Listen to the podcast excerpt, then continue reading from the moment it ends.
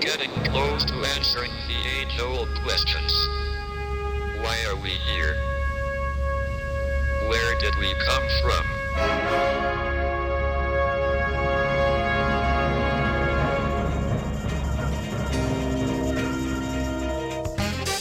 Hei og velkommen til Soft Science. Og Marit, hva er det vi skal snakke om i dag? I dag har vi løgn og svindel på agendaen, Håkon. Og vi skal høre litt om det nyeste innenfor minibanksvindling. Og også litt om pyramidespill og hva det egentlig går ut på. Dette er to av mange godbiter som vi skal snakke om i dagens eh, Soft Science-program.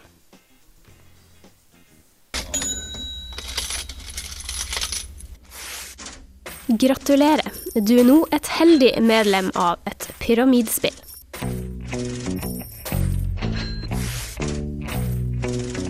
Og du kan tjene penger, hvis du er så heldig å være på toppen av pyramiden, selvfølgelig. La oss si at de første ti personene i spillet hver rekrutterer ti nye. Det vil nå være 100 mennesker som igjen må rekruttere ti hver.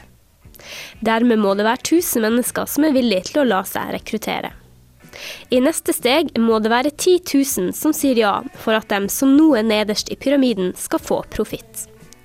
Til slutt vil det ikke være flere som er villige til å rekrutteres, og dem på bunnen av pyramiden vil miste hele investeringa. Studier viser at i slike pyramidespill mister 90,4 investeringen sine. If I were a wealthy man, I wouldn't have to work hard. På 1920-tallet i Boston ble Charles Ponzi millionær i løpet av kun seks måneder ved hjelp av en variant av pyramidespill som i dag kalles Ponzi-svindel.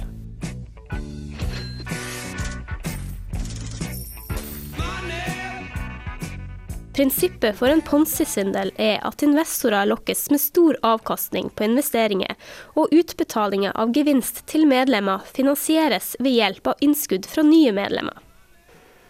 Dermed vil dette fungere så lenge investorene har tillit til selskapet. Men straks mange prøver å ta ut pengene sine, vil pyramiden kollapse.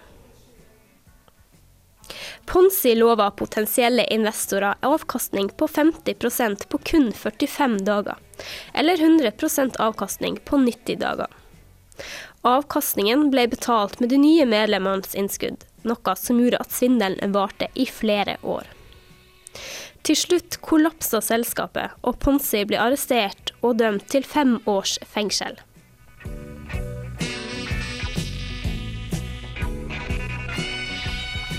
Den mest kjente og omfattende Ponzi-svindelen sto Bernard Madoff for fra tidlig 90-tallet og fram til 2008.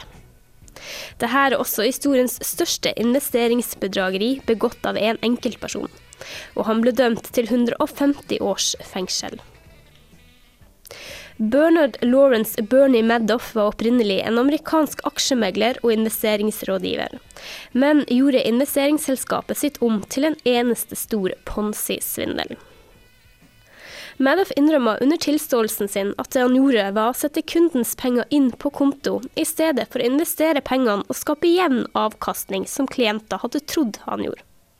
Til sammen fikk Madoff svindla til seg 50 milliarder dollar. I likhet med Ponzi fikk Madoffs svindel store konsekvenser. Ikke bare for store selskaper, men også for veldedige organisasjoner og privatpersoner som mista alle sparepengene sine.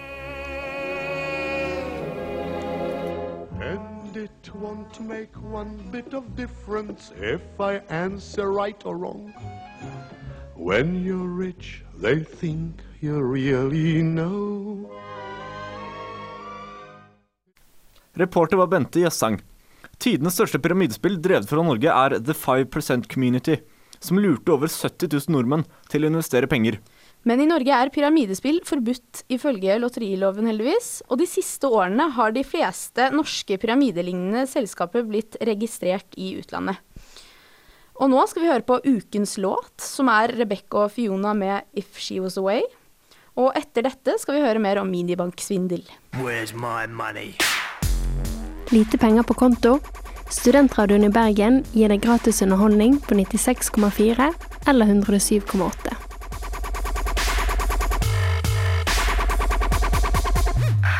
Over til neste tema. Vi har alle sett plakatene ved siden av minibanken som forteller hvor viktig det er å skjule inntastingen av PIN-koden vår. Men er du en av mange som egentlig ikke tar dette på alvor? Det neste innslaget skal vise oss det nyeste innenfor minibanksvindling, så følg med.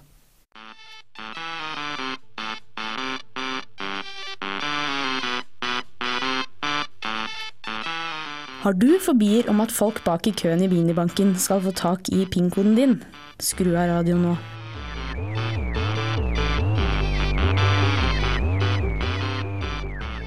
Visste du at infrarødt kamera kan avsløre din PIN-kode i minibanken? Ikke det? Skru opp volumet nå.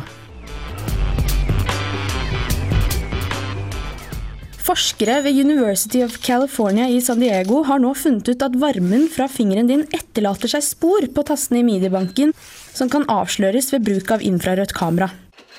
Forskerne har ved hjelp av et slikt kamera filmet en minibank etter at kundene har tastet inn kodene sine. Svindlere kan bruke dette for å finne din PIN-kode. Opptil 80% av gangene klarte forskerne å finne riktig PIN-kode som var tastet inn, skriver Daily Mail.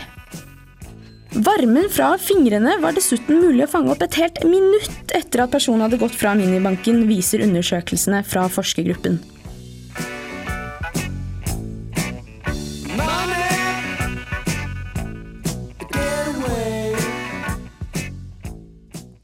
Dette funnet viser hvor lett det vil være for en svindler å forsyne seg av folks kontoer.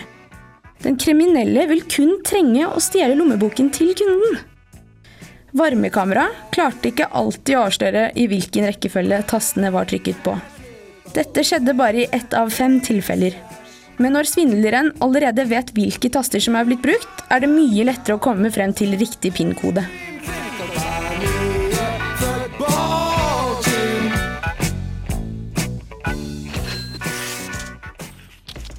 Dette er en ny og enda mer avansert måte å fange opp PIN-koder på enn det vi har sett til nå, sier salgs- og markedsdirektør Børre Midtgård i EDB Ergo Group til nrk.no. Tradisjonelt har en sett tre metoder for å fange opp PIN-koder fra minibanker. 1. Den enkle titte bak skulderen-metoden. 2. Det at det blir plassert et lite kamera over minibanken for å filme koden. Og tre, at det blir plassert et falskt tastatur oppå det originale tastaturet i minibanken. Knut Kvalheim fra bankens standardiseringskontor, BSK, har på den andre siden sagt til nrk.no at trusselen ikke er så veldig stor her og nå, men at situasjonen kan være annerledes om fem år. Han sier også at det ikke er uvanlig å se at kriminelle tar i bruk nye svindlermetoder etter at forskerne har opplyst om metoden. Vanligvis dukker ikke nye svindlermetoder opp aller først i Norge, men dette er noe vi følger med på og er obs på, uttalte Kvalheim.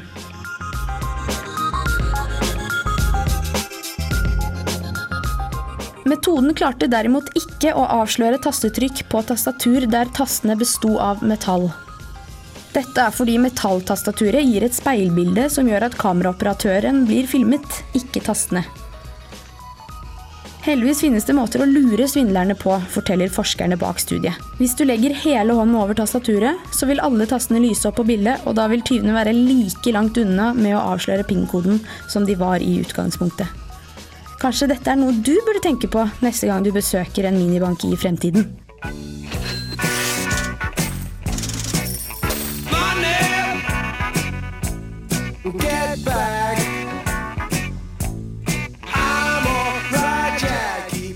Det var da Marit Bjøntegård som snakket. Jeg er i hvert fall overbevist om at jeg fikk et par nyttige tips nå som jeg skal ta med meg videre.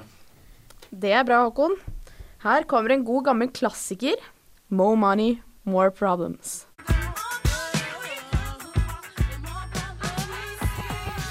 Det var da Notorious BIG, Puff Daddy og Mace med Mo Money, More Problems.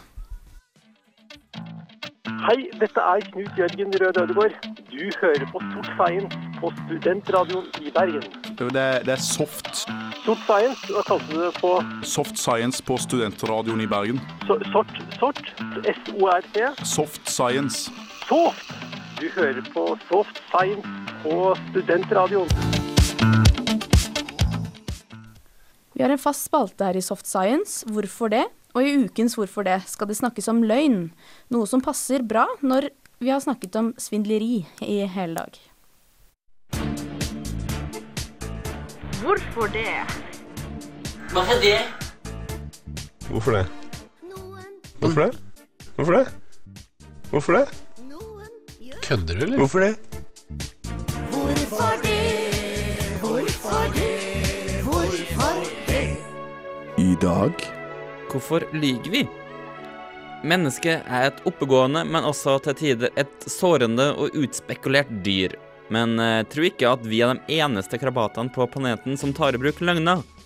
Eksempel vil eh, små grønne frosker ty til det når inntrengere av samme art nærmer seg. De vil da kvekke til dem med dypere stemme enn normalt for å signalisere at de er store og skremme dem vekk. Og jo mer høyerestående vesenet er, jo mer avansert blir bløffinga. For tilbake til vår egen art. Vi er de eneste på jorda som ikke bare kan lyge for andre, men også for oss sjøl. Bare se på psykolog Robert Feldmans forsøk ved universitetet ved Massachusetts. Han satt to og to forsøkspersoner som ikke kjente hverandre i et rom, og filma samtalen deres.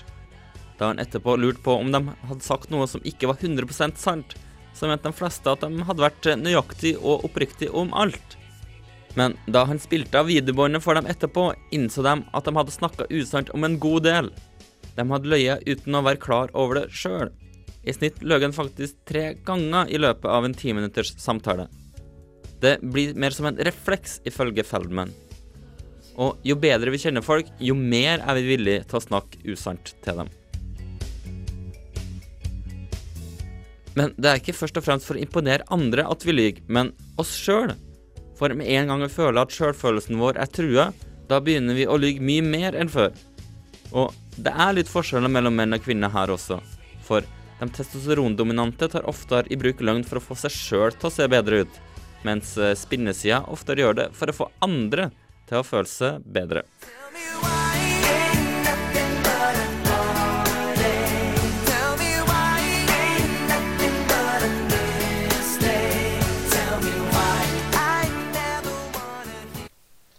Det var Olaf Storli som lærte oss litt mer om løgner. Hei, dette er Fredrik Fordatrock, og du hører på den kuleste radiostasjonen i Bergen. Studentradioen 107,8 FM, eller streamer på srib.no.